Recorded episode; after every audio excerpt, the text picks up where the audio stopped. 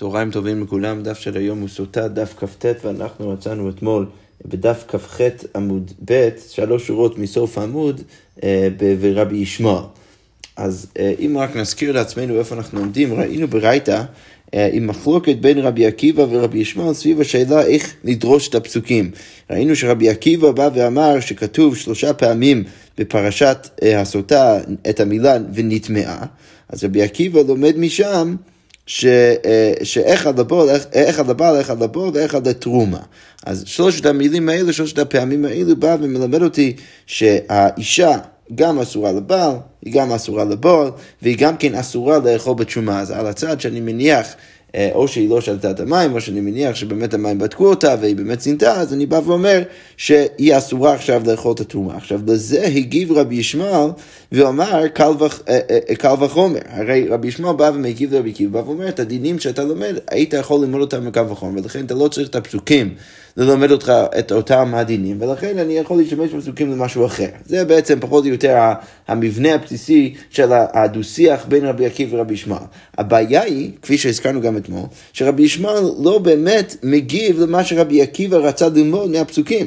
הרי כמו שאמרנו עכשיו, רבי עקיבא לומד שכתוב שלושה פעמים ונטמע, אחד לבועל, אחד לבעל, אחד לבועל, אחד לתשומה. רבי ישמעאל מגיב ואומר, רגע, קו וחומר, אני יכול ללמוד את הדינים האלה מקו וחומר, מה אני יכול ללמוד? ומה גירושה שמותרת לתרומה אסורה לכהונה? אז אם אני יודע שאישה גירושה מותרת לתרומה ואסורה לכהונה, והיא לא יכולה לאכול, אה, אה, להתחתן עם כהן, כמו שאנחנו יודעים מהתורה, אז זו הסוטה שאסורה בתרומה, היינו דין שאסורה לכהונה, אז אם היא אסורה בתרומה, אז מקל וחומר שהיא אסורה לכהונה. עכשיו, זה היה מאוד יפה והגיוני, אם הוא היה מגיב לרבי עקיבא, שרצה ללמוד מהפסוקים שהסוטה אסורה לכהונה. ואז רבי ישמעאל מגיב ואומר שאתה יכול ללמוד את זה מקל וחומר, אתה לא צריך את הפסוק. אבל הבעיה היא שרבי עקיבא לא אמר את זה, רבי עקיבא למד אחד לבעל אחד לבעל אחד לתרומה. עכשיו, אז לכן יש פה איזשהו פער בין, ה, בין הטענה של רבי עקיבא והטענה של רבי ישמעאל. אז הגמרא אומרת, אה, בדיוק את זה, ורבי ישמעאל, אמר רבי עקיבא תרומה מהדו לאיהו כהונה. רגע, יש בעיה עם, עם, עם כל הטענה של רבי ישמעאל, הרי רבי, רבי עקיבא דיבר על תשומה. הוא רצה ללמוד מהפסוקים את הדין של תשומה. ומה חוזר ואומר לרבי ישמעאל? אז מהודר לאיהו כהונה. אז, אז הוא חוזר ומדבר על כהונה, אז הוא לא מגיב ישירות למה שרבי עקיבא מנסה ללמוד. ותראו, ועוד קושייה יש עם כל המהלך הזה, לרבי עקיבא, כהונה מנהלם, איפה רבי עקיבא יודע שהסוטה אסורה להתחתן עם כהן. אז הגמרא אומרת, אה, ולזה, וחיתם, אולי תצא להגיד, כהונה לא צריך לקרוא, אתה לא צריך פסוק לשאלה של הכהונה, למה? שהרי עושה בה ספק זונה כזונה, כי הרי אנחנו יודעים דרך כל המהלך הזה, שאנחנו הם, אה, חושבים על הסוטה, אפילו במקרה של ספק, כמו זונה ממש. ולכן אני יודע שאם אנחנו עשינו ספק זונה כזונה, אז אני יודע שזונה אסורה להתחתן עם כהן, לא צריך פסוק כדי ללמוד את הדין הזה. אבל כמו אומרת, אם אתה רוצה, אולי, אם היית רוצה להציע את זה, הרי אז יוצא שאתה לא צריך פסוק אפילו לדין של התרומה, למה תרומה נמי לא תהיה בעיקר? למה שהרי אז בספק זונה כזונה, ואנחנו יודעים שזונה לא יכולה, לא יכולה לאכול תשומה. אז כמו אומרת, אם רצית להציע שאתה לא צריך, צריך באמת פסוק לדין של הכהונה, אז יוצא שאתה גם כן לא צריך פסוק לדין של התרומה. זה שרבי עקיבא משתמש בפסוק כדי ללמוד את הדין של התרומה, אז כנראה שהוא לא סובר שאפשר סתם ללמוד מזה שאנחנו עושים ספק זונה כזונה. ולכן יש לנו בעצם שתי שאלות. שאלה ראשונה לגבי התגובה של רבי ישמעאל לרבי עקיבא, וזה שהוא בעצם מפספס את מה שרבי עקיבא מנסה להגיד. תשובה שנייה, סליחה, שאלה שנייה, מה, מה רבי עקיבא בכלל, סליחה, איך רבי עקיבא לומד לגבי הדין של כהן? איך הוא בכלל יודע שהסוטה אסורה להתחתן עם כהן? אז הגמרא אומרת, אלא מה צריך להגיד? צריך בעצם להבין מחדש את כל ה... כל הדו-שיח בין רבי ישמעאל ורבי עקיבא. צריך להגיד ככה, לרבי עקיבא ארבע כתיבי. באמת, כתוב, יש, יש פה ארבע דרשות שאני יכול לדרוש אותן. למה? כי כתוב שלושה פעמים נטמעה, ופעם אחת כתוב ונטמעה עם הוו. אנחנו יודעים כבר מאתמול שרבי עקיבא דורש את הוו היתרה. ולכן יוצא שיש לו בעצם ארבע, דרשות. אז מה הוא, משת... מה, מה הוא לומד מארבעת הדרשות האלו? אז הגמרא אומרת, חד לבעל, חד לבועל, חד לכהונה וחד לתשומה. אז הוא משתמש בארבעת הדרשות האלו כדי ללמד אותי שהאישה הזאת אסורה לבעל, היא אסורה לבועל, היא אסורה להתחתן עם כהן, והיא אסורה גם כן לאכול תשומה. אוקיי, ורבי ישמעאל, איך הוא לומד את הפסוקים? רבי ישמעאל תלת אקרקטיבי, כי הוא לא דורש את הוו, לכן יש לו רק שלוש דרשות. מה הוא לומד משלושת הדרשות האלו? אחד לבעל, אחד לבועל וחד לתשומה. ואז הוא מגיב לרבי עקיבא, ובא ואומר לו, אתה לא צריך עוד דרשה כדי ללמוד שהיא אסורה אה, להתחתן עם, עם הכהן, למה? וכהונה עטיה בקו וחומר, את, את הדין של הכהונה אני יכול ללמוד מקו וחומר מזה שהיא אסורה בתשומה, שמה? מה הקו וחומר? רק נזכיר לעצמנו, אישה גרושה מותרת לאכול תשומה ובכל זאת אסורה על הכהן, אז ברור שהאישה הסוטה שאסורה לאכול תשומה, ודאי, ומכל שכן שהיא אסורה להתחתן עם כהן. אוקיי, עכשיו הגמרא אומר ככה, רגע. זה יוצא מאוד יפה ו- ו- ונוח לרבי ישמעאל, באיך שהסברנו, למה? כי רבי ישמעאל דווקא לומד את הדין, אה, את הדין היותר קל אה, מהפסוקים, ואז הוא יכול ללמוד קו וחומר מהדין הזה לגבי הדין של הכהונה. אז, אז יוצא שדווקא אה, יוצא, לנו, יוצא לו מאוד נוח. שמה, שהוא, שוב, הוא משתמש בפסוקים כדי ללמוד את הדין של אחד לבא, אחד לבועל ואחד לתשומה. עכשיו, משם הוא יכול ללמוד את הקו החומר לכהונה. אבל הגמרא אומרת, רגע, למה זה כל כך ברור לו שצריך דווקא ללמוד מהפסוקים לענייני תשומה וללמוד קו החומר לכהונה? אולי, אולי זה צריך להיות הפוך, אולי דווקא הוא צריך ללמוד מהפסוקים את הדין של הכהונה, ואז יוצא שאין לו קו החומר לגבי התשומה. אז הגמרא אומרת, ורבי ישמעאל, ממאי יצטרך לקרוא לתשומה וכהונתי בקו החומר, איך אתה יכול להיות כל כך בטוח שהפסוק מלמד אותי שהיא אסורה בתשומה, ולכן משם אתה יכול ללמוד קו החומר לכהונה? דילמה למה אולי צריך להגיד ולהציע בדיוק הפוך, כי יצטרך לכהונה כי יצטרך לכהונה ותשומה שריה, אולי צריך להגיד שהפסוק מלמד אותי שהיא אסורה להתחתן כהן, ומשם אתה לא יכול ללמוד בהכרח קו וחומר לתשומה, ואולי התשומה זה, זה, זה, זה באמת מותר. אז, אז הגמרא אומרת, אומר לך, אז מה רבי ישמעאל יגיד לך, איך אני יכול להיות כל כך בטוח שדווקא הפסוק אוסר את התשומה ומשם אתה יכול ללמוד קו וחומר לכהונה? אומר לך, מסתבר דומי דבא ובוא. האם אני כבר לומד אה, כל מיני דרשות והלכות מהפסוקים, מהמילה ונטמעה, אז עדיף לי שהדברים האלו יהיו דומים. אז אם אני כבר לומד מהמילים ונטמעה ונטמעה לזה שהיא אסורה לבא ולבועל, אז, אז, אז עדיף לי לקחת דין שהוא יותר דומה לזה. עכשיו, השאלה היא איזה דין יותר דומה, האם תשומה יותר דומה לאיסור לבעל ואיסור לבעל, או האם כהונה זה יותר דומה. אז כמו אומרת, מה בעל ובעל מחיים? אז כמו שאצל הבעל והבעל זה איסורים שחלים על האישה כבר מחיים, עוד כש, כשהם בחיים, אז אף תרומה נמי מחיים. כמו כן, אני לומד משם את הדין של התרומה, שזה דין שחל עליה עכשיו מחיים. לאפוקי מה, שזה בא למעט איזה דין שאני לא לומד מהפסוקים, לאפוקי כהונה. למה? כי כהונה זה לאחר מיתה, כהונה זה משהו שהוא רק רלוונטי לאחר מיתה. מה הכוונה? על הצד שהיא באמת חושבת עם מי היא רוצה עכשיו להתחתן, כי היא באמת התגרשה מבעלה, עכשיו, על הצד הזה, אתה לא צריך את הפסוק כדי ללמד אותי שהיא אסורה לכהן, כי אם הוא מגרש אותה, אז היא אישה גרושה, היא אסורה להתחתן עם כהן.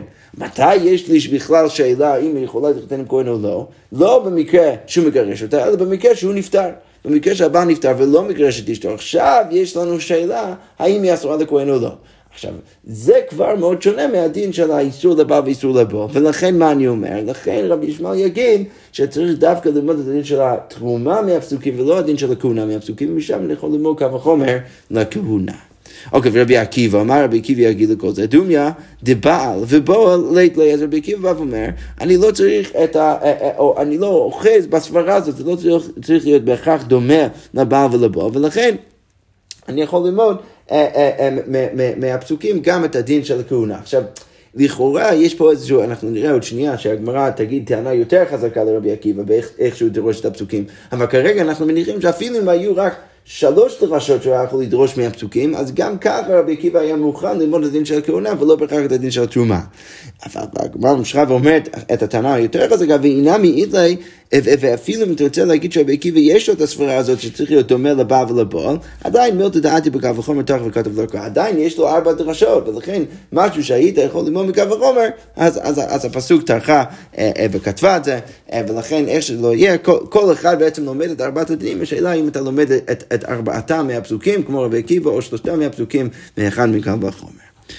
אוקיי, אז אם כבר אתמול אנחנו דיברנו על ההקבלה בין ספק סוטה, או סוטה שהיא בספק, לבין מקרה של ספק שרץ, ספק מישהו שנגע בשרץ, אז שם הזכרנו את הרעיון הזה, אה, שאתה צריך, כדי שיהיה משהו טמא בספק, צריך שיהיה, שיהיה בו דעת להישאר. עכשיו, אה, בואו רק נבהיר את הדין הזה אה, מאתמול. אז אמרנו שלגבי הסוטה וגם כן לגבי השרץ, צריך, אם אתה במקרה של ספק, אם יש פה איזשהו ספק טומאה או ספק זנות, אז כדי שאנחנו נטמע ונגיד שיש פה באמת טומאה, אז צריך שהבן אדם, שהוא הבן אדם שיש בו את הספק, זה בן אדם שיש בו דעת להישאר. רש"י כותב, אם, אה, אה, אה, סליחה, אני, קורא כבר מהדיבור המתחיל של רש"י הזה, הוא נכנס לתוך, דבריו במשפט אחד. אז רש"י כותב, מה סוטה דבר שיש בו דעת להישאל לי? מה הכוונה? אם נטמאת אם לאו, אז אף ספק טומאה דבר שיש בו בנוגע זה דעת להישאל. צריך להיות שהבן אדם הנוגע צריך שיהיה לו דעת להישאל, אם נגע אם לאו. והוא אומר, איני יודע. כגון, כגון אדם או, או טהרות וכולי וכולי. עכשיו, אז רש"י כותב שצריך שיהיה מקרה שבו אתה תוכל לשאול את הבן אדם הזה אה, האם הוא נהיה טמא או לא, ואז הוא צריך לענות לך שהוא לא יודע. עד במקרה כזה אני יכול להגיד שיש מקרה שאולי אני אגיד שלמרות שיש פה ספק, בכל זאת הוא טמא. אבל אם אין דעת להישאר זה כל טהור. אז עכשיו לכאורה משמע מאתמול, שאנחנו למדנו את הדין הזה לגבי ספק שארץ, מי סוטה? אז הגמרא אומרת, רגע, אמר רב גידל אמר רב, דבר שיש בו דעת להישאל ואין בו דעת להישאל, מהיכו נפקא. אנחנו לא אמורים ללמוד את זה משם מסוטה, אנחנו אמורים ללמוד את זה מהפסוקים הבאים שאני, שאני אצטט אותם עוד שנייה. אז הגמרא אומרת, כאילו לכאורה, למה אתה צריך ללמוד את זה מסוטה? הרי אנחנו כבר למדנו את זה במקום אחר. מאיפה למדנו את זה? מהפסוק. כתוב בתורה ככה, והבשר אשר ייגע בכל טמא לא יאכל. אוקיי, אז, אז הגמרא אומרת, ודאי טמא יהודה לא יאכל. משהו משם שמה, שדווקא הבשר כאן מדובר על, על קודשים, על, על קורבן שלמים, כפי שאנחנו נראה גם כן בעמוד ב', אבל איך שזה לא יהיה, מדובר שם על מקרה שלכאורה הבשר נגע בטמא ממש. ולכן מה אני יכול לדייק משם? שדווקא ודאי טמא הוא דלא יאכל, דווקא דבר שהוא ודאי טמא אתה לא יכול לאכול. אבל הו, ספק טמא וספק טהור יאכל, לכאורה משהו מזה, שאם יש ספק טומאה, ספק טהרה, אתה יכול לאכול. כל זה אני לומד מהפסוק הראשון. אבל אם הספר, מה כתוב בהמשך אותו הפסוק? והבשר, כל טהור יאכל בשר. עכשיו, מה משהו מזה? דווקא הפוך. ודאי טהור הוא יאכל בשר. דווקא בן אדם שהוא ודאי טהור יכול לאכול בשר. אבל הספק טמא וספק טהור לא יאכל. אז לכאורה משהו מזה, שבן אדם שהוא ספק טמא, ספק טהור, אז הוא לא יכול לאכול. אז משמע מפה שיש איזושהי סתירה בפסוקים. מצד אחד, בתחילת הפסוק, משמע שאני מדייק שדווקא ודאי טמא זה בעייתי, אבל ספק טמא זה טהור, ומסוף הפסוק, אז, אז אני צריך דווקא, דווקא ודאי טהור, אבל ספק טהור, ספק טמא, אז צריך, צריך להגיד דווקא שזה טמא. אז הגמרא אומרת, אלא מה צריך להגיד? צריך לחלק. אלא לאו, שמע מינה, כאן שיש בו דל אישל, כאן שאין בו דל אישל. בטח, החילוק הוא בסיטואציה. ברישה של הפסוק, אז מדובר על מקרה שבו אני אומר, שהבשר אשר ייגע בכל טמא לא יאכל. אז שוב, מה דייקתי משם? שדווקא ודאי טמא הוא בעייתי, אבל אם זה ספק, אז אני אומר שזה טהור. למה? כי שם מדובר בכלל על בשר. מדובר על משהו שאין בו דעת להישאר. אז אם אין לו דעת להישאר, אז אני בא ואומר שספקו טהור. רק בהמשך הפסוק, כשאני מדבר על הבן אדם, והשאלה אם הוא יאכל קודש או, או, או, או, או, או משהו טהור עכשיו, אז אצלו אני יכול להגיד שהספק טומאה זה יהיה טמא, למה? כי יש בו דעת להישאר. אז שוב הגמרא אומרת, אלא שמע מינה, לא שמע מינה, כאן שיש בו דעת להישאר, כאן שאין בו דעת להישאר. אז, אז לכאורה משמע מכל זה שמה, שאני לומד את הדין של דעת להישאר, אין בו דעת להישאר מהפסוק שם לגבי הקודשים, ולא לומד את זה מסוטה. אז הגמרא בעצם שואל, למה אני צריך את כל ההקבלה על סוטה כדי ללמוד משם את הדין הזה? הרי אני כבר למדתי את זה במקום אחר. אז הגמרא אומרת לא. והצטרך לרב גידל אמר רב, ויצטרך למיגמר מסות. אני צריך בעצם את שניהם, אני צריך גם כן ללמוד מהלימוד של רב גידל בשם רב, ואני צריך גם כן את הלימוד מסוטה. למה? כי אני מרוויח כל, אני מרוויח משהו מכל צד. אז כמו אומרת, דעי מדי רב, אם רציתי ללמוד רק מרב, אז מה הייתי חושב? הווה אמינא בין ברשות היחיד, בין ברשות הרבים, הייתי חושב שהדין הזה הוא אותו דבר גם ברשות היחיד, גם ברשות הרבים. אבל אנחנו יודעים מהלימוד מסוטה שזה לא נכון, שברשות הרבים, אם יש לי ספק, אז אני מתאר. אני, אני מטמא בספק רק ברשות היחיד, רק שם אני יכול לטמא. את זה אני למדתי מסוטה. ולכן יצטרך למגמר מסוטה. ואם מסוטה, הווה אמינא, ואם הייתי לומד רק מסוטה, אז מה הייתי חושב? הווה אמינא דאיגא דעת נוגע ומגיע. אז הייתי צריך, הייתי חושב שצריך גם כן את הדעת של הנוגע, וגם כן את, את הדעת של המגיע. אז הייתי חושב שבכל מקרה של ספק טומאה, אתה צריך גם את הדעת של ההוא שנוגע בדבר הטמא, וגם כן דעת להישאר בדבר הטמא עצמו. לכן הייתי אומר שכל מקרה של כלי, שבן אדם שנוגע בכלי, הייתי חושב שברור שאם זה ספק, אז, אז, אז צריך לטהר, למה? כי אין, אין, אין דעת למטמא. עכשיו, הייתי חושב שאם הייתי לומד רק מסוטה, שככה צריך להיות, למה? כי שם בסוטה יש שני גופות, יש את הגוף של האישה והגוף של הבעל. הייתי חושב שצריך את שניהם. ולכן אני צריך את הלימוד של רב כדי ללמד אותי שאפילו במקרים שיש לך רק את הדעת של הנוגע, גם שם אתה יכול לטמא במקרה של ספק, ולכן צריך, ולכן אני צריך את שני הדרש, שתי הדרשות, אמ, ואני מבין למה אני צריך את שניהם. אוקיי, עכשיו אמרנו גם כן במשנה, בו ביום דרש רבי עקיבא וכל כלי חרס וכולי. עכשיו בואו רק נזכיר לעצמנו מה היה הדיון שם. אז רבי עקיבא דרש, שכתוב אה, בתורה, וכלי חרס אשר ייפול מהם אל תוכו, כל אשר בתוכו יטמע. אז רבי עקיבא דייק מזה שכתוב בתורה, בפסוק יטמע ולא טמא, אז הוא לומד משם דין מחודש. בא ואומר, אינו אומר טמא, אלא יטמע, כתוב דווקא יטמע. לטמא אחרים, זה מלמד אותי שמה? שהדבר שבתוך הכלי נהיה טמא, אבל לא רק שהוא נהיה טמא, הוא נהיה טמא אפילו לטמא משהו אחר. שזה מלמד אותי מה? אז רבי עקיבא אמר שם במשנה, למד על כיגר שני שמטמא את השלישי, כי מדובר כאן במקרה שיש לך איזה אוכל, לחם. בתוך כלי, נופל שם שרץ, השרץ מטמא את הלחם, וכתוב בתורה יטמע, שזה מלמד אותי שה, שהכיכר לחם הזה יכול לטמא דבר שלישי. עכשיו לזה הגיב רבי, יהושע ואמר מי יגלה עפר מעיניך רבן יוחנן זכאי. אז אני רוצה שאני אני, אני מתפלל שמישהו יגלה את העפר מעיניך כדי שאתה תוכל לראות את זה, למה? כי מה רבן יוחנן בן זכאי תמיד היה אומר?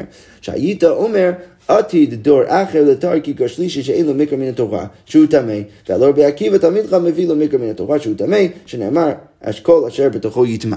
אז רבי ישוע בא ואומר, רבן יוחנן בן זכאי, אני רוצה שאתה תראה את זה, למה? כי כל חייך אתה דאגת לדבר הבא. למה דאגת? אתה ידעת שהכיכר שהוא שני לטומאה יכול לעשות שלישי, אלא שמה חששת שאנשים לא באמת יחשבו את זה, הם יחשבו שזה באמת טהור השלישי, למה?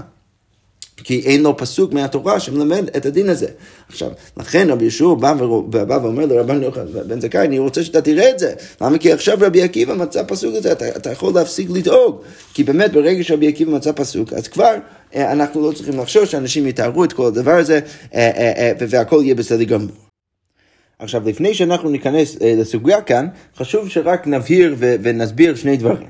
אז קודם כל, רק נסביר קצת רקע בענייני טומאה וטהרה, ואז נסביר איפה, איפה שאנחנו עומדים אה, במשנה, לפני שאנחנו ניכנס אה, אה, לגמרא. אז, אז קודם כל קצת רקע. אז, אז חשוב רק שנזכיר לעצמנו שהמודל שה, הבסיסי של טומאה וטהרה, המודל הבסיסי של טומאה וטהרה זה שיש לך דברים שהם נקראים אבות הטומאה.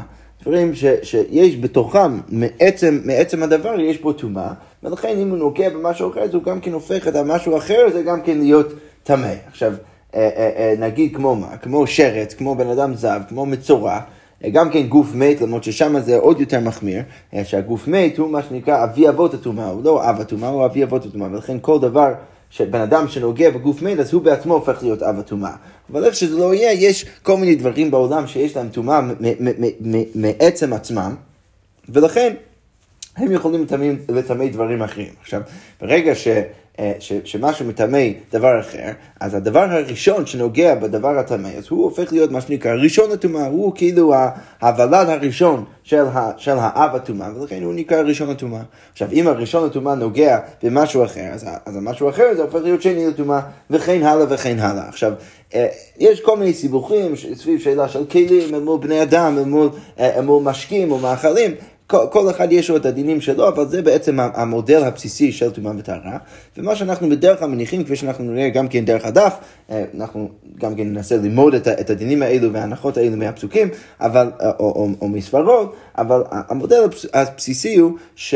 כשמדובר על תרומה או דברים שיש בהם יותר קדושה, אז בדרך כלל אני יותר עלול להחמיר לגבי טומאה וטהרה, ולכן אני יותר עלול להגיד שאפילו משהו שהוא בשלב הרבה יותר מאוחר לגבי, אה, ביחס לאב הטומאה, עדיין אני אגיד שזה בעייתי, כל עוד אני מדבר על דבר שיש בו יותר ויותר יותר, קדושה. ולכן מה אני אגיד? אני אגיד שלגבי נגיד משהו כמו תרומה, אז אני אגיד שאפילו שלישי פוסל בתרומה. שזה אומר מה? זה אומר שאם התרומה נגע באב הטומאה, אז ודאי שהדבר הזה, אה, אב הטומאה פוסל את האכילה בתשומה, והתשומה עכשיו אסורה באכילה. עכשיו, לא רק זה, אני אגיד את זה גם כן לגבי שני לטומאה. אם התרומה נוגע בראשון, אז הוא בעצמו, בעצמו הופך להיות שני, ואז ברגע שהוא הופך להיות שני לטומאה, אז גם הוא, אז גם הוא נהיה אסור. עכשיו, אני לא אומר רק את זה, אלא אני אומר גם כן, שאפילו שלישי, אפילו אם טומאה נוגע בשני, אפילו אם תרומה נוגע בשני לטומאה, אז הוא בעצמו הופך להיות גם כן אסור, בגלל שהוא הופך להיות שלישי, אה, שלישי, אה, אה, שלישי לטומאה. עכשיו, רק שנבהיר את הניסוח, בדרך כלל כשחז"ל מדברים על השלבים האלו, אז הם יגידו שבשלב השני, אם נגיד התשומה הוא שני, או אם מדובר על שני לטומאה, אז אני אגיד שהדבר הזה הוא מטמא. אה, אה, הוא טמא, למה הוא טמא ביחס לתשומה? כי לא רק שהוא בעצמו אסור, אלא שהוא יכול לטמא גם כן את השלב השלישי, אם השני לטומאה נוגע בתשומה, אז הוא יכול גם כן לטמא אותו בשלב השלישי, ולכן הוא לא רק, אה, הוא לא רק אסור ופסול, אלא הוא גם כן טמא, אבל ברגע שאני מגיע לשלישי לטומאה, אז, אז אני אומר שזה פסול, אני משתמש במונח אחר, למה? כי כבר בשלב השלישי הוא לא יכול לטמא ולעצור את השלב הרביעי, אנחנו אומרים שאין רביעי לתרומה. אה, אני, אנחנו אומרים את זה רק בשלישי, ולכן שם אנחנו נשתמש במונח פסול ולא במונח טמא. עכשיו, כל זה, אם אנחנו נעבור נגיד להקדש, כל זה יהיה אותו דבר, רק עם עוד שלב, שבהקדש אנחנו אומרים שאפילו השלב הרביעי גם כן אוסר, ולכן שם אנחנו נגיד שזה פסול בשלב הרביעי, זה פוסל ברביעי, אה, אבל בשלב השלישי זה עדיין טמא. אוקיי, זה קודם כל הרקע שחשוב לנו שיהיה לפני שאנחנו ניכנס לסוגיה, ועוד אה, דבר של רקע ש, ש, שאנחנו נגיד זה רק להזכיר לעצמנו איפה אנחנו עומדים במשנה. ראינו את הדיון אה, בין רבי עקיבא ורבי יהושע, איך הוא הגיב עם רבי יוחנן בן זכאי, אבל יוצא שיש בעיה לכאורה לוגית במה שרבי, יהושע בכלל אומר. הרי רבי יהושע בא ואומר שהוא יודע שרבי יוחנן בן זכאי דאג כל החיים שלו, למה? כי הוא יודע שהכיכר שהוא שני לטומאה יכול לעשות שלישי לטומאה. אבל מה? הוא, הוא, הוא, הוא דאג לזה שאנשים יתארו את זה מתישהו, למה? כי אין שום פסוק שבאמת מעיד על כך. אז עכשיו השאלה היא, רגע, אם אין פסוק שבאמת מעיד על הדבר הזה, אז למה רבן יוחנן בן זכאי כל כך בטוח שהכיכר צריך לעשות שלישי בטומאה? הרי אם אין פסוק, אז, אז איך, איך, איך הוא יודע שזה הדין? זה מאוד יפה שרבי יהושע בא ואומר, אה, רבי עקיבא, אתה מצאת פסוק לאיזה דין שאנחנו לא, לא היה לנו מקור לו, אבל אם לא היה לנו מקור עד עכשיו, אז איך אנחנו יודעים שזה בכלל נכון? הגמרא אומרת בדיוק את זה, ומאחר אין לו, אז אם... לא היה פסוק לרבן יוחנן זכאי, אז למה תומא? אז למה הוא מניח שהכיכר עושה שלישי בתומה? אז הגמרא אומרת, אמר רב יהודה אמר רב. אז רבי יהודה בא ואומר בשם רב, מן התורה אין לו, ולכן ימי באמת לא היה לו מקום מהתורה, אבל מדין קל וחומר יש לו. אבל הוא כן היה יכול ללמוד את זה מקל וחומר, למה? כי הוא מה טבול יום שמותר בחולין מין, ואני יודע שבן אדם שהוא טבול יום, זה בן אדם שהיה טמא, והוא עשה את כל תהליך הטהרה שלו, טבל במקווה, ועכשיו הוא מחכה למה שנקרא הערב שמש, הוא מחכה רק לשקיעת החמה, אבל עד אז הוא מה שנקרא טבול יום, שהוא באיזה סטטוס ביניים של טומאה וטהרה. עכשיו אנחנו יודעים שהבן אדם הזה הטבול יום מותר בחולין, הוא יכול לאכול חולין. אפילו אם בן אדם שרוצה לאכול חולין בטהרה אז הוא עדיין יכול לאכול חולין, הכל בסדר גמור. אבל פוסל בתרומה, ואנחנו יודעים שהוא לא יכול לאכול תרומה, אז כיכר שני שפסו בחולין, אז, אבל כיכר שני, אז כיכר שהוא שני לטומאה, שהוא נגע הוא בעצמו בשרץ, בן אדם שרוצה לאכול חולין בטהרה, לא יכול לאכול את הדבר הזה, אז אין לו דין שיעשה שלישי בתרומה, אז ברור שהוא יעשה שלישי בתרומה, שהוא, אפילו אם הוא נוגע אה, אה, בתרומה, אז הוא יפסול את התרומה. למה? שוב, מקו וחומר. שוב, טבול יום מותר בחולין, וגם כן פוסל בתרומה, אם הוא נוגע בתרומה אז הוא פוסל את זה, וגם הוא בעצמו אסור לאכול את התרומה. אז כיכר שני שפוסל בחולין, אז מכל שכן שהוא יעשה שלישי בתשומה, שהוא יפסול את התשומה. אז לכן רב בא ואומר שהוא אמנם לא היה פסוק לרבן יוחנן זכאי, אבל הוא היה יכול לדעת את זה מקו וחומר. אבל הגמרא אומרת, רגע, איקר למפרח, את זה אתה יכול לפרוח ולהגיד ככה, מה, מה לטבול יום שכן אב הטומאה? רגע, אבל יש איזשהו חומר לגבי טבול יום, מה שאין כן לגבי הכיכר שני. למה? כי הטבול יום הוא בעצמו היה פעם אב הטומאה. מה זה טבול יום? טבול יום זה כמו בן אדם שהיה מצורע, הוא עבר תהליך טהרה, הוא טבל במקווה, ועכשיו הוא מחכה לשקיעת החמה. אבל זה בן אדם שהוא בעצמו היה בטומאה, ולכן יש לו איזה חומרה. אז ברגע שיש לו חומרה, אני לא בהכרח יכול ללמוד קו וחומר משם לגבי כיכר שני. אז הוא אומר, בסדר, אין לך נמי, אתה לא יכול ללמוד מטבול יום. אבל תהיתי, מטבול יום זה שרץ. אתה יכול ללמוד מטבול יום דשרת. עכשיו, מה זה, מה זה משנה טבול יום דשרת? מה, מה זה, מי זה הבן אדם הזה? טבול יום דשרת זה בן אדם שהוא עכשיו... טבול יום, הוא טבע במקום, מחכה לשגיאת החמה, אבל למה הוא בכלל היה טמא בהתחלה? לא בגלל שהוא בעצמו היה בטומאה, לא היה זב, אלא הוא נגע בשרץ. עכשיו הבן אדם הזה נגע בשרץ, נהיה טמא, עכשיו צריך לטבול במקווה, אבל הוא בעצמו לא היה אי פעם אב הטומאה. ובכל מקרה אני אומר אצלו שהוא פוסע בתשומה, אז, אז מותר בחולין פוסע בתשומה, אז אתה יכול ללמוד משם כמה וכמה לכיכר שני, שהכיכר שני שאסור אה, או פסול בחולין, אז ברור שהוא יעשה שלישי בתרומה. אז כמו אומרת לו, כי גם שם אתה יכול להפריך את הכל וחומר, מה אתה יכול להגיד? מה לטבול יום דשרת שכן במינו אהבתו? מה הכוונה? ש... רש"י כותב, אם היה נוגע כלי זה, או אדם זה במת, נעשה אב הטומאה. אז יש אפשרות תיאורטית של הבן אדם הטבול יום הזה להיות אב הטומאה. מה שאין כן לגבי אוכל, שאצל אוכל אם הוא נוגע, ב, ב, לא ניכנס לכל הדרשה, אבל אם אוכל נוגע באב הטומאה או בגוף מת, הוא בעצמו לא הופך להיות אב הטומאה. ולכן עדיין שם יש איזה חומר, מה שאין כן בכיכר שני, לכן אתה לא יכול ללמוד משם קו וחומר. הגמרא אומרת לו, כלי חרס יוכיח. אה, בכל זאת אתה יכול ללמוד מכלי חרס, למה? כי כלי חרס, רש"י כותב, אם הכלי חרס הוא בעצמו ראשון לטומאה, הוא נגע באב הטומאה, אז ברור שהוא יכול לפסול את התרומה, למרות שאין במינו אב הטומאה. אז, אז, אז רש"י כותב, כלי חרס יוכיח שמה שאין במינו אב הטומאה, הוא מטמא את התרומה כשהוא ראשון, וכל שכן שפוסלה. אז אף אתה אל תטמא על כיכר שני, שאף על פי שאין במינו אב הטומאה, יפסול. אז, אז אתה לא יכול להיטמע על האפשרות שכיכר שני, שאין במינו אב הטומאה, שהוא יוכל לפסול את התרומה. אבל כמו אומרת, רגע, מה לכלי חרס שכן מטמא מאווירו? הרי כלי חרס, יש לו עוד חומרה שהוא מטמא באווירו. אתה לא צריך לגעת בזה כדי להיטמא. אפילו אם אתה שם משהו באוויר הכלי, אז עדיין הוא יטמע. אז הגמרא אומרת, אבל את החומה הזאת אין לגבי טבול יום, טבול יום יוכיח, אתה יכול לחזור לטבול יום. עכשיו אנחנו חוזרים אה, ללימוד המפורסם של הגמרא, וחוזר הדין. מה הכוונה? לא ראי זה כראי זה ולא ראי זה כראי זה, הצד השווה שבהן שמותר בחולין פוסל בתשומה, כל שכן כי כאשר פוסל בחולין שפוסל בתשומה. אז הגמרא אומרת ש...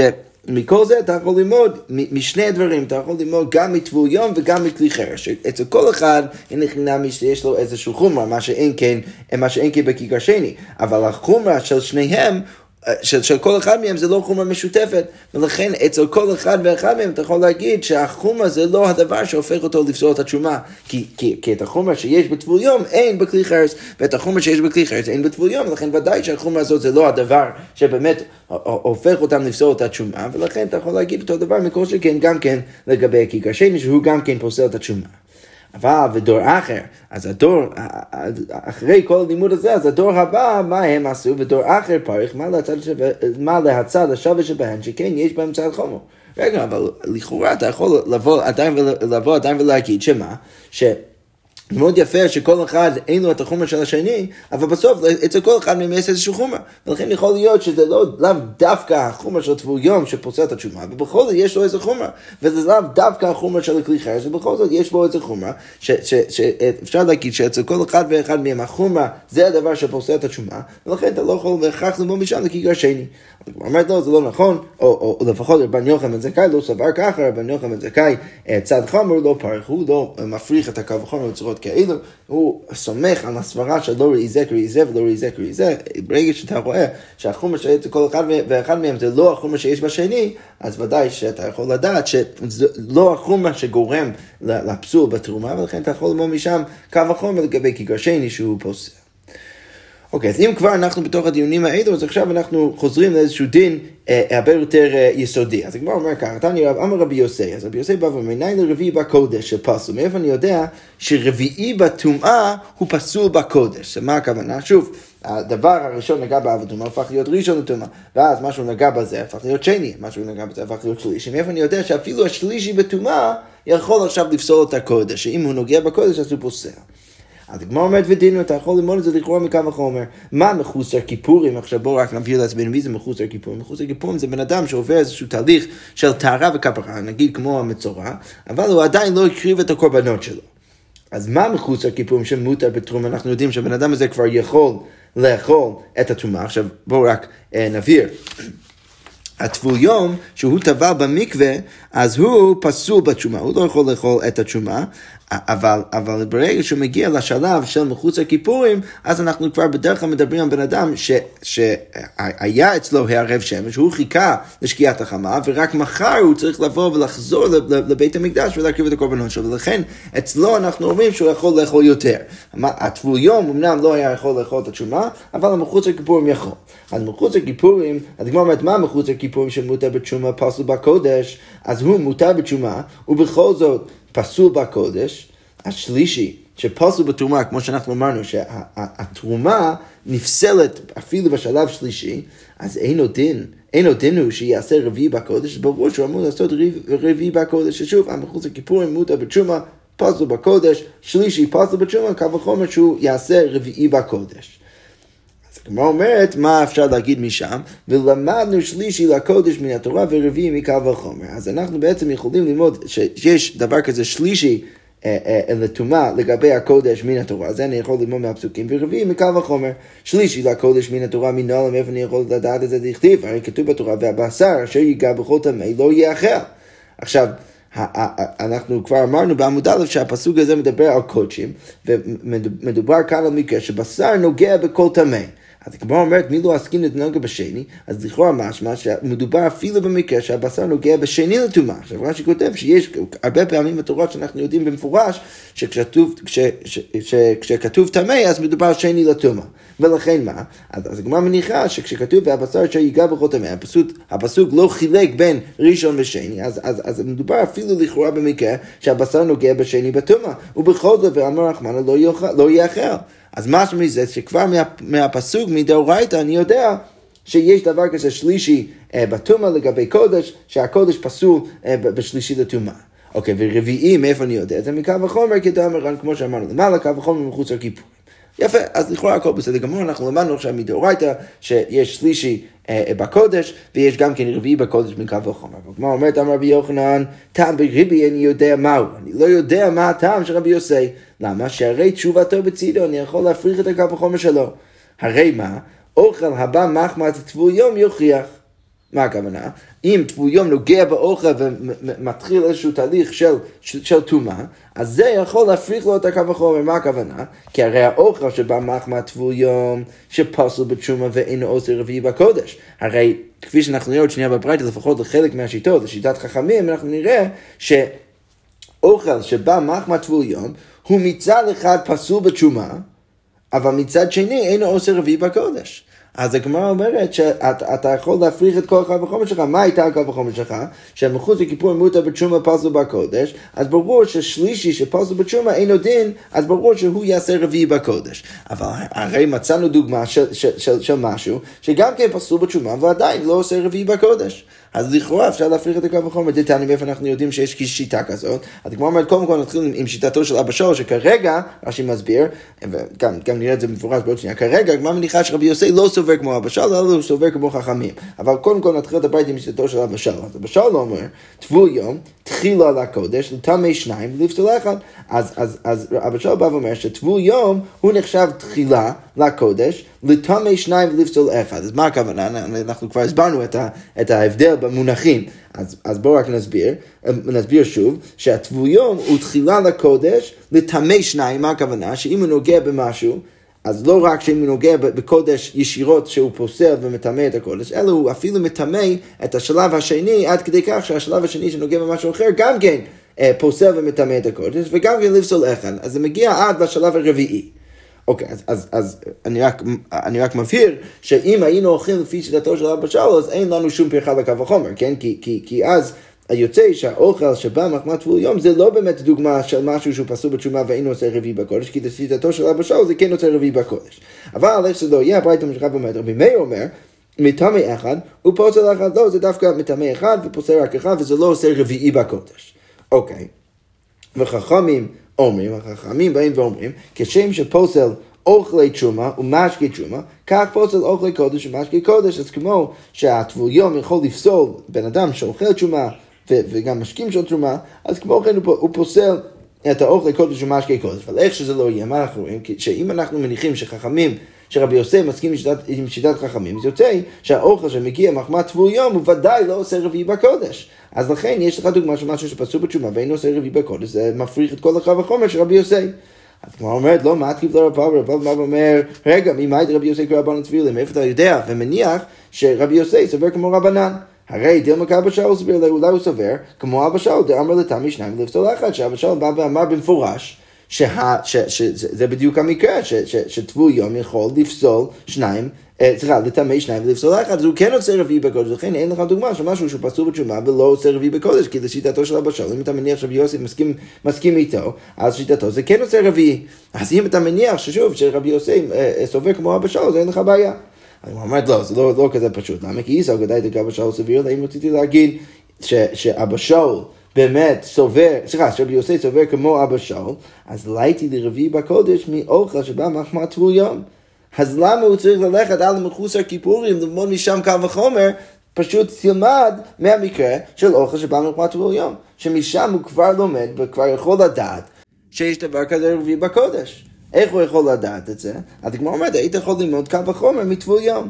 ומה אוכל הבא מחמת טבול יום, דטבול יום גופי מותר בחולין? אז אם אני יודע שאוכל שמגיע מחמת הטבול יום, שהוא בעצמו הטבול יום, שהוא מקור לכל הטומאה כאן, הוא מותר בחולין, ובכל זאת אמרת שזה עושה רביעי בקודש, אז אוכל שלישי, אז אוכל שהוא טמא, אה, אה, אה, הוא שלישי לטומאה, הבא מחמד שני, שהוא מגיע מחמד שני בטומאה, שהשני בטומאה מבחינתו הוא מקור לטומאה, דשני גופי עוצר בחולין, אז אין לו דין שעוצר רביעי בקודש, ברור שהוא צריך מקו מקום לעשות רביעי בקודש.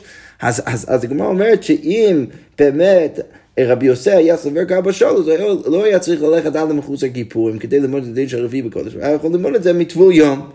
לכן משמע מזה שמה? שרבי יוסי לא סובר כמו אבא שאול, אלא הוא סובר כחכמים, ואז יוצא שיש לו בעיה, ובאמת צריך להפריך את הקו החומר שלו. וכמו אומרת, וכי תימה משום דאיגה למפרח, אה, אולי אתה תצא להגיד, לא, שהקו החומר באבא שאול לא באמת היה עובד, למה דאיגה למפרח, שמה? מה לטבול יום שכן אב התומה. הרי טבול יום הוא, הוא, הוא יכול להיות אב הטומאה, ולכן אם הוא, הוא שייך בו את הדינים של אב הטומאה, אז לכן יש בו איזה חומה מה שאין כן לגבי תרומה בכללי, שני בטומאה, ולכן אני יכול אולי להגיד שמשם אין קו וחומר, ולכן אפשר להציע שאפילו אם רבי יוסי היה מסכים עם אבא שלו, עדיין הוא לא היה יכול ללמוד מטבול יום, אלא היה צריך ללמוד מחוץ לכיפורים. אבל הגמרא אומרת, זה לא יכול להיות, למה? כי האייטינה ממחוץ לכיפורים, הרי אתה, גם ככה רבי יוסי לומד את זה ממחוץ לכיפורים, שהוא בעצמו גם כן היה פעם אהבה טומאה, ולא פרחי, ושם הוא לא, הוא לא הפריך את הקו וחומר דרך הסברה הזו, ולכן יוצא שהוא לא היה יכול להפריך את זה גם כן לגבי הסברה של אבא שאול, ולכן יוצא ששוב, אם באמת הוא היה סובר שכמו אבא שאול, הוא היה צריך ללמוד מהדינים של אבא שאול ולא מחוץ לכיפורים, ולכן יוצא מכל זה שלכאורה משמע שרבי יוסי לא סובר כמותו, אלא כמו חכמים, ואם הוא סובר כמו חכמים, אז יש לי אחלה דוגמה של משהו שהוא פסול בתשומה ואין עושה רביעי בקודש, לכן דווקא צריך להפריך את הקו החומר של רבי יוסי, ומשם אנחנו כרגע נעצור. אם בקושייה רבי יוסי, שרבי יוחנן בא ואומר, לא מבין את הסברה שלו, כי לכאורה אפשר להפריך את הקו החומר שלו, שוב על הצד שהוא מסכים עם חכמים, ובאמת כן צריך להגיד שהוא מסכים עם חכמים ולא כאבא שאול, ולכן אנחנו בבעיה. אנחנו נעצור כאן, נמשיך לך בעזרת השם עם המשך הסוגיות. שקוייך.